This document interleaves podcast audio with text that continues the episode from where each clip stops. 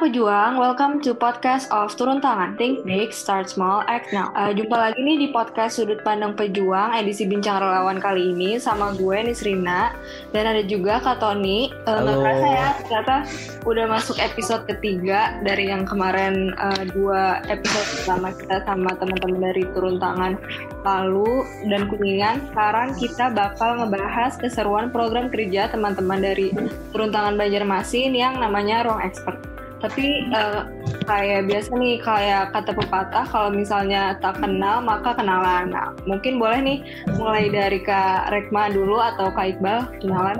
Eh, Oke, aku dulu kali ya. Boleh, boleh. Eh, halo teman-teman pejuang, kenalin Halo. aku Lekma dari Tulungangan Banjarmasin sama partner aku Iqbal malam ini. Oh, apalagi nih yang dikenalin? Sebagai apa kira-kira Kak eh, bergabung dari kapan gitu? Oh, bergabung awal 2019 terus sebagai sosial sekarang aktif di turun tangan Banjarmasin. Iya, itu. Boleh, Bal. Lanjut, Bal. Oke, halo perkenalkan saya Iqbal. Saya bergabung di Turun Tangan Banjarmasin sejak 2016 akhir, ya Desember tepatnya lah. Saat ini di Turun Tangan, saya di Turun Tangan Banjarmasin sebagai apa ya, pejabat sementara koordinator umum lah. Turun Tangan Banjarmasin. Karena periode saya periode saya itu 2018 2019 2020 kita udah bukan lagi koordinator saya sendiri. Terus yang mengisi jabatan sementara saya dulu. Oh gitu. Aku kirain kayak presidium gitu ya. Kang, itu kalau nggak ada yang ganti-gantinya gitu lah, Tan. Udah kelamaan. Aku mah gak mau gitu. Oke. Oke oke, nah mungkin boleh nih Kak Koordinator abadi ini. kan dari dari Kak Iqbal sama Kak Rekma udah kenalan. Eh, boleh dong Kak diceritain sedikit tentang profil dari Turun Tangan Banjarmasin, program kerjanya. Oke, Mungkin sekarang ada berapa relawan yang aktif? oke. Ini tentang turun tangan Banjarmasin ya. Turun tangan Banjarmasin sendiri itu dibentuk pada tahun 2015. Awalnya itu bernama Turun Tangan Kalimantan Selatan. Itu secara provinsi ya, Kalimantan Selatan.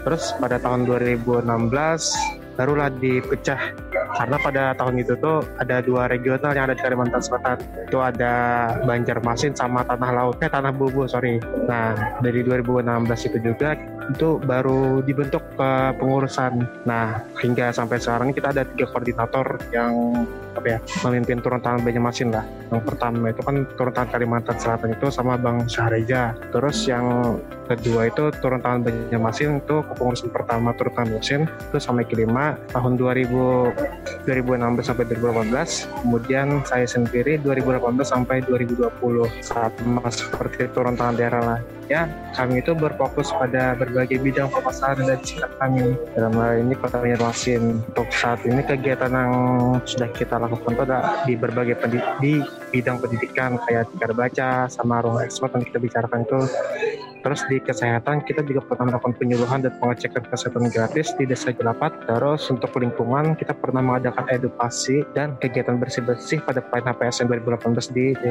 kecamatan di Mantuil lah gitu. Terus di bidang sosial kita udah banyak sih melakukan eh, penggalangan dana terus penyaluran donasi-donasi sama yang terakhir itu kita melakukan donasi untuk korban kebanjiran. Terus sisanya sih kegiatan-kegiatan kecil aja. Kayak perayaan-perayaan itulah. Kayak perayaan hari anak hari pendidikan nasional. Nah itu untuk yang sudah kita kerjakan. Terus sih saya pakai event kayak di bulan Ramadan juga kita kerjakan. Kayak perayaan 17-an juga.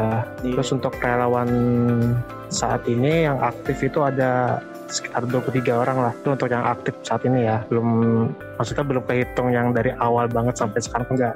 Secara hitung mungkin, mungkin lebih dari 100 kali. Untuk yang aktif saat ini ada 23 orang tadi. Itu kebanyakan diisi oleh mahasiswa sama pekerja. Tapi termasuk termasuk ini banyak juga ya relawan aktif tuh 20 lebih dari 20 orang itu. Nah, kalau kalau apa ini resepnya nih?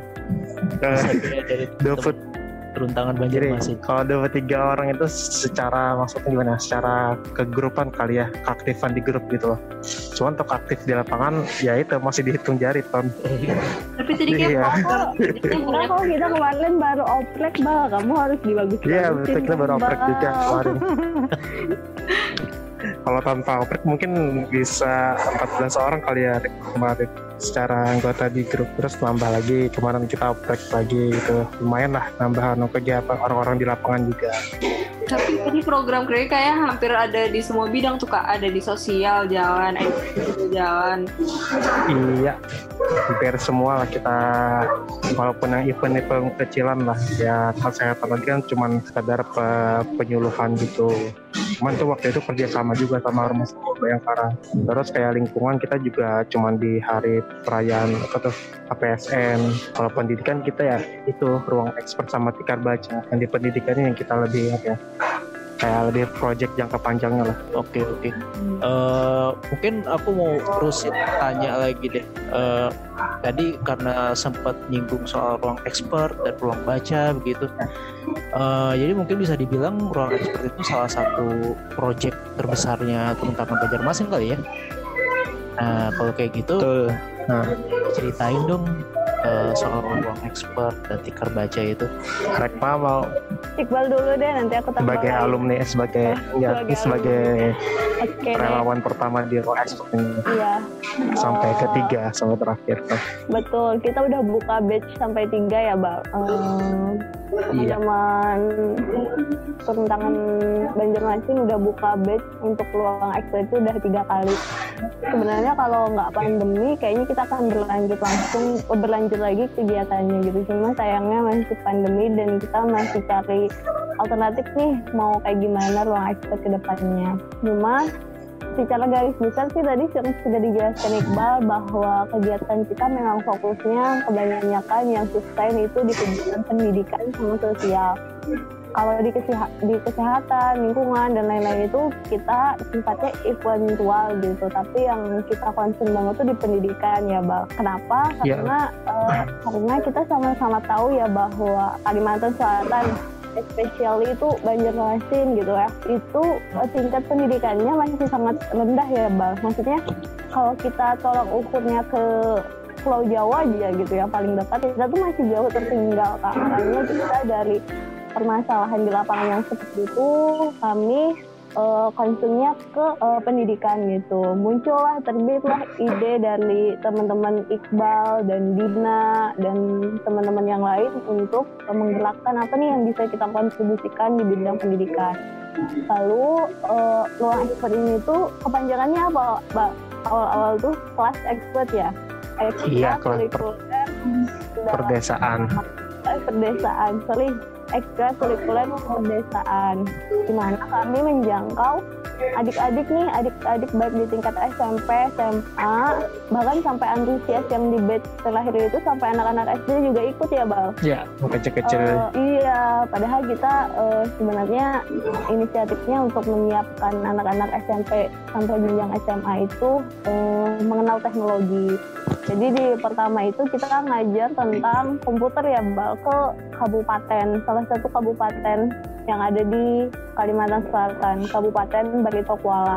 Waktu itu saya nih alumni alumni expert yang pertama, aduh seru banget itu kayak udah kayak eh, apa ya, kayak kelas inspirasi tapi dia eh, ber berminggu-minggu ya kita ya, Bang. Berapa minggu Bang? Pertama tuh 8 minggu ya? Eh, dari tiga bulan lah pokoknya ada enam pertemuan Iya, di satu camp atau di satu sekolah kita ngadain pertemuan Hmm. tiga bulan, tiga bulan lamanya sama teman-teman relawan yang di berbagai bidang. Tapi ada tutor, jadi tutornya ini memang yang expert banget ngajar tentang komputer dasar atau basic. Nah, habis itu kita ngajar komputer ke mereka gitu. Pada pada intinya sih sederhana, kita mau mengenalkan bahwa komputer ini tuh seperti ini loh. Nanti teman-teman eh, adik-adik ini pas UN udah kenal nih eh, mouse yang mana, terus komputer yang mana, terus eh eh, keyboard yang mana kayak gitu. Ngebuka Word itu kayak gimana, kayak gitu-gitu sih sederhananya program kita sesederhana itu ya, Bal. iya betul kita kayak apa ya apa sih memberikan fasilitas gitu buat yang mereka nggak pernah nggak pernah sama sekali nyentuh komputer menggunakannya gitu. Sedang kita memberikan fasilitas itu gitu. Justru jadi pengalaman pertama buat yang anak-anak di desa Jelapat itu kemarin kita kerjakan itu. Jadi mereka tuh kayak kayak gimana nggak pernah sama sekali ya ada ketemu nggak pernah nyentuh sama sekali apa itu laptop juga ada banyak sih macam-macam itu Iya, tapi itu emang emang ini ya, emang eh ya maksudnya eh, aku juga emang pertama kenal komputer jujur malah SMP gitu. Nah. Pertama kali bisa ngetik-ngetik itu pas SMP. Tapi kan itu dulu Iya, ya, betul. maksudnya dulu waktu tahun berapa deh awal-awal tahun 2000-an kali dan itu kan emang komputer belum sebegitu meratanya gitu ada di Indonesia bahkan di Betul. Jakarta tapi emang sampai segitunya ya sampai sampai di daerah-daerah terpencil ya maksudnya itu juga deket kan dari Banjarmasin gitu kan? Ya itu sebenarnya masuk kabut ini dari sekolah sih bukan kota Banjarmasin. Cuman ke apa ya kelas 3 SMP ini kan mereka untuk masuk SMA itu kan ada apa ya UNBK ya berbasis komputer gitu kalau sekarang. Kalau dulu kita kan nggak ada ya kita di SMP Nah sekarang tuh SMP yang kelas 3 ini sudah dituntut buat bisa komputer itu untuk ujian. Nah sedangkan kondisi yang di desa sekolah kita ada ini itu tuh mereka tuh kayak gimana ya gak pernah apa gak pernah dikasih fasilitas buat menggunakan komputer tapi mereka ya mau nggak mau harus bisa gitu pa- pada saat ujian berbasis komputer itu jadi Mhm. alhasil kalau kita tanyain kemarin itu sama gurunya gimana kendala anak-anak yang nggak bisa nyentuh itu jadi mereka tuh dibantu buat buat apa sih buat menjawab soal gitu tuh buat ngetik-ngetik itu Itu berarti setiap ruang expert kan udah ada satu dua tiga ya kak. Setiap ya ya episode- eh, setiap sesinya tuh anak-anaknya beda-beda ya. anak-anak sama dari awal sampai akhir pertemuan anak-anaknya itu juga yang mendaftar Oh berarti bertahap gitu ya materinya. tapi Iya, bertahap. itu beda tem tapi tiap batch itu beda tempat bal. Maksudnya satu batch Oh, itu iya. emang di lokasi yang sama dengan eh, pendaftar yang awal. Itu selama tiga bulan nih kita latih komputer kayak gitu kan bal tapi nanti Iya. di batch selanjutnya kita beda tempat lagi beda beda sasaran lagi jadi tiga bulan tiga bulan tiga bulan Oh. itu ke anak-anak yang beda-beda gitu Iya, untuk yang batch pertama itu kita di Desa Jelapat di Madrasah Darul Mujahidin. Terus yang kedua tuh di kabupaten yang sama, cuman beda tempat di Desa Berangas Timur kalau itu. Terus yang ketiga itu balik lagi yang ke pertama sama juga di Madrasah Darul Mujahidin di Jelapat. Cuman bedanya itu yang satu itu kemarin kita tujuan awalnya itu buat anak-anak SMP kelas 3 itu tadi buat mereka yang persiapan UNBK. Nah itu terus yang kedua itu kita di Desa Berangas Timur bekerja sama sama Yasa- Yayasan Hasnur Center. Tuh kita difasilitasi ada tempat sama fasilitas meja belajarnya juga sama relawan dari mereka juga buat ngajarin sama anak desa situ.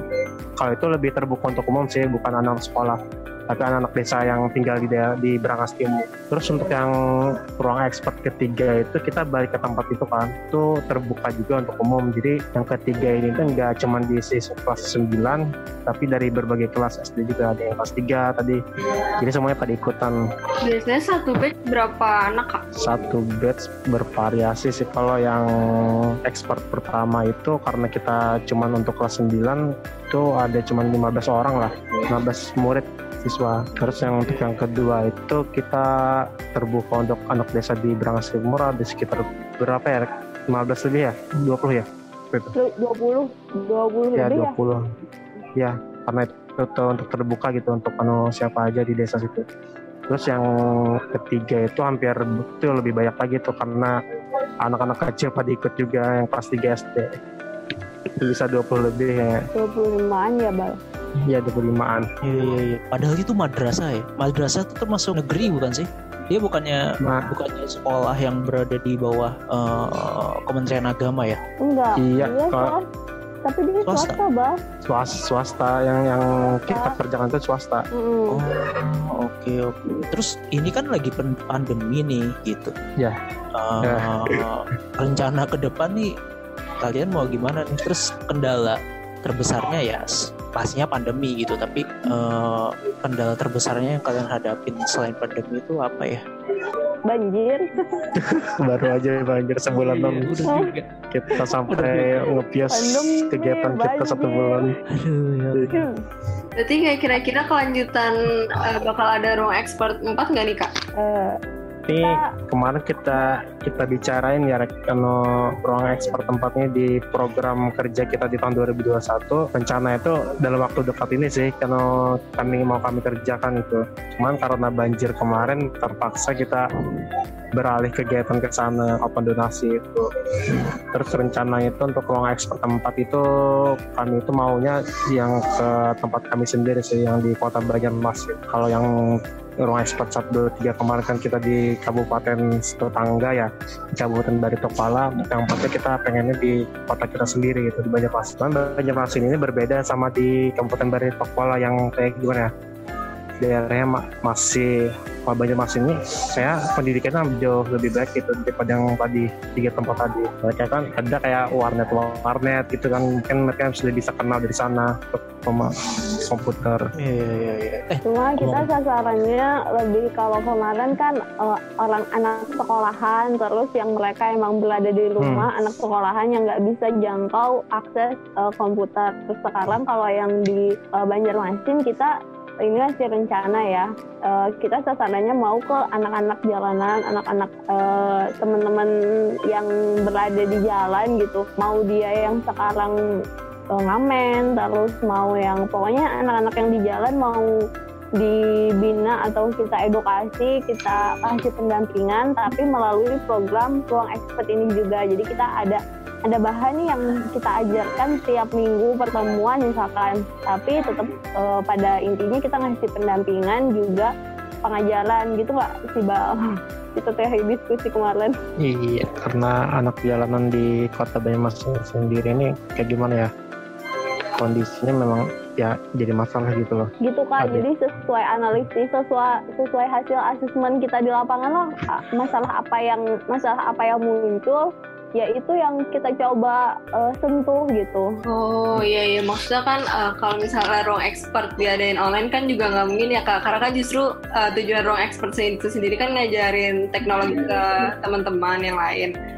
Lagi misalnya pandemi kayak gini, tapi eh, kayaknya bagus juga tuh kak kalau misalnya bisa sampai apa namanya terrealisasi untuk program yang tadi kakak sampein. Apa mau menolong adik-adik yang ini ya kak? Apa tadi eh, teman-teman yang ada di jalanan untuk biar bisa dapet pengarahan yang lebih baik lagi. Iya betul.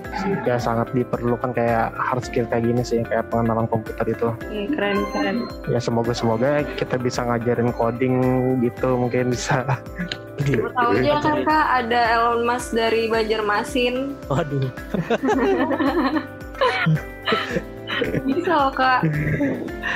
tapi kalau ngelihat problema anak-anak jalanan gitu ya. Eh, sebenarnya ini ide udah udah kalian udah riset dulu dulu nggak sih sama sama teman-teman anak jalanan ini? Iya Eh. untuk yang iya iya iya. untuk yang tiga ruang expert sebelum itu memang kita dari set untuk lokasinya ya. Kita itu berpa, berpacu pada eh ber, mengacu pada 3 T. Itu daerah yang terluar sama terdepan sama tertinggal gitu. Dan di desa Jelapat ini ya memenuhi gitu untuk kriteria tersebut. Cuma untuk yang Banjarmasin ini kita masih melihat lagi gitu untuk daerah 3 T ini seperti apa yang ada di kota Banjarmasin susah juga sih yang daerah tertinggal kota Banjarmasin perasaan udah maju semua gitu. Iya iya iya.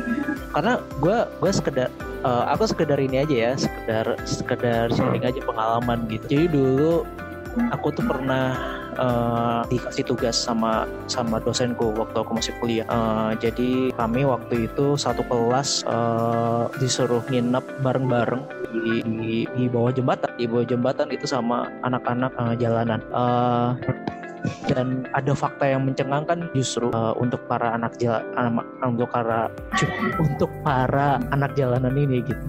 Bahwa ternyata eh, ini eh, aku rekam rekam adegan aja ya. Jadi pas pas malam-malam itu malam pertama tuh itu malam pertama eh, ada ada ada eh, anak kecil gitu eh, cowok dia eh, pipis pipis di kan biasa kalau di jalanan tuh eh, tipis di temboknya gitu di tembok. Tapi dia sampai sampai tutup tutup sampai dia sampai tutup apa namanya? Sampai tutup eh, muka dan sampai ngegedor tembok gitu. Kayak seolah-olah sakit banget gitu. Dan ternyata eh, ada setelah ditelusuri ternyata ada beberapa anak di sana yang udah kena raja singa. Dia udah Ya. pernah udah udah pernah ada yang kena raja singa. Dan setelah dikonfirmasi lagi sama anak-anak lainnya yang sedikit terbuka pada kami eh, ternyata seks bebas itu sudah sudah jadi kebiasaan di antara para anak-anak anak-anak jalanan gitu dan apa ya eh, mungkin ini sedikit memberi konteks gitu bahwa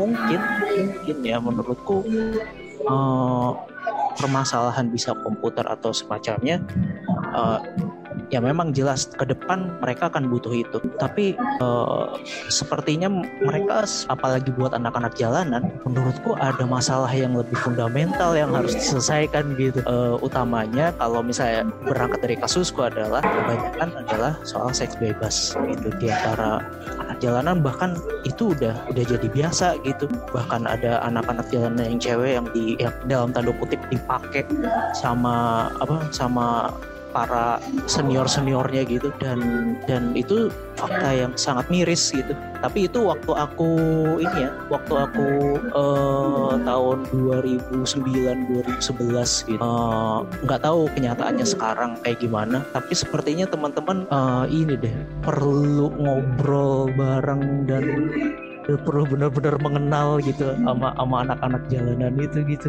Iya kak, Eh bener sih se-complicated itu masalah eh, orang-orang jalanan gitu. Makanya tadi aku sebutin di awal bahwa program yang kita bawa itu bukan cuma kita ngajar nanti, tapi kita juga ngadain pendampingan. Di mana eh, nanti teman-teman relawan itu sistemnya kayak ya kakak asuh. Jadi itu sih yang sempat terbesit waktu kami diskusi sama teman-teman relawan jadi apa nih yang bisa kita kasih ke anak-anak gitu ya kan, ke mereka-mereka di jalan. Tadi yang permasalahan tadi itu bener banget. Bahkan di sini tuh la- lagi malak-malaknya ngelem, tahu nggak sih lem Oh yang iya, ngelem. diisep, Iya, eh, iya. diisep. Nah, itu tuh kayak malak banget dan itu masalah yang sama-sama krusial sama permasalahan seks bebas tadi. Nah, maka dari itu makanya konsepnya agak berbeda sama yang di eh, kabupaten gitu kita lebih ke di sini tuh lebih ke pendampingan dengan sistem kakak asuh jadi pendekatannya nanti kita eh, atur ulang gimana cara pendekatan kita tapi yaitu kita benar-benar eh, memfasilitasi mereka seperti keluarga gitu. Nanti mungkin kebayangnya seperti itu seperti keluarga tapi ada juga bahan yang mau kami ajarkan. Kayak gitu mungkin memang uh, sekrusial itu sih permasalahan di jalanan apalagi di jalanan gitu. Belum belum mereka punya punya preman yang memang nge-backing mereka di belakang gitu kan. Itu kayak jadi bakal tantangan kita tersendiri nanti di lapangan banget Serem banget ya kak, tapi kalau aku aku kira eh, anak-anak jalanan itu emang benar-benar yang mungkin mereka ya juga gitu untuk dibimbing, tapi ternyata di kata Kak Rekma ada ada punya backingan semacam preman, kayak gitu berarti eh, jadi tugas tambahan dari teman-teman turun Ban- turun jalan Banjarmasin juga dong. tantangan berat ini perlu ya perlu pendekatan sama orang-orang sekitarnya juga orang-orang pasar mungkin Betul. Jadi aku juga dulu, eh, ini aku sharing juga ya sama kayak Kak Tony. Jadi dulu aku juga ngedampingin anak-anak jalanan. Maksudnya eh, pernah eh, dua semester, du- dua semester sepanjang aku kuliah, aku ngedampingin anak-anak jalanan di program eh, Save the Children. Bukan bukan NGO yang besar itu ya, maksudnya ada komunitas lah yang seperti itu juga yang nanganin eh, anak-anak jalanan gitu. Nah di situ kita ngasih pendampingan, pendekatannya itu benar-benar susah kak. Jadi kita ngajar ngajar ilmu pengetahuan, temanya itu cuma ilmu pengetahuan dasar, tapi mereka nggak bisa nyampe-nyampe ke sana sana tuh ada aja rintangannya tiap-tiap minggu tiap pertemuan tuh ada aja rintangannya ada aja rintangannya ini kayak yang oh ternyata susah ini gitu melakukan pendekatan ke mereka gitu. Nah itu yang akan kita coba dan kita bangun juga nanti sama teman-teman peruntangan Banjarmasin. Aku yakin sih dengan berbagai latar belakang teman-teman relawan dengan berbagai bidang keilmuan teman-teman relawan bisa uh, handle minimal bisa melakukan pendekatan awal ke anak-anak jalanan ini gitu karena ini juga kan tanggung jawab kita sebagai masyarakat. Tanggung jawab aku tanggung jawab Iqbal tanggung jawab teman-teman relawan turun tangan Banjarmasin untuk juga ikut mengentaskan permasalahan ini gitu. Hal, hal kecilnya sih hal sederhananya sih yang bisa kita lakukan ya lewat program-program seperti ini gitu. Siap siap siap siap. Wah gila keren banget nih idenya nih. Strategi-strategi teman-teman nih. Mungkin kalau dari aku aku mau bilang semangat buat teman-teman turun tangan Banjarmasin dengan yang tadi agak beberapa hambatan-hambatan kecil dan besar. Semoga niat baiknya tetap dilancarkan.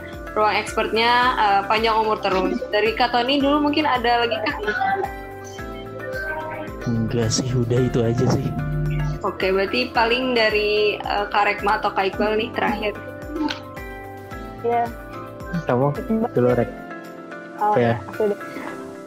Uh, iya tadi maksud kami berharapnya sih teman-teman relawan Banjarmasin tuh bisa uh, banyak semakin banyak lagi nge ngerangkul pemuda-pemuda Banjarmasin gitu sama-sama sama-sama melek terhadap permasalahan sama-sama aware sama uh, problem yang yang di depan mata kita. Ini problemnya nggak gampang gitu. Nggak uh, nggak harus nuntut pemerintah. Maksudnya nggak bisa kita nuntut pemerintah sama sekali gitu ya. Maksudnya dari dari langkah-langkah kecil pemuda-pemuda Banjarmasin pengen banget itu dikembangin terus e, lewat turun tangan Banjarmasin bisa banyak e, tumbuh ruang-ruang ruang-ruang kebaikan ruang-ruang pemuda yang mau ambil pelan gitu yang mau ngambil ngambil sama-sama ngelangkah buat ke jalan yang baik gitu. Minimal lewat usaha-usaha yang sudah kita sama-sama bangun di turun tangan Banjarmasin. Itu mungkin.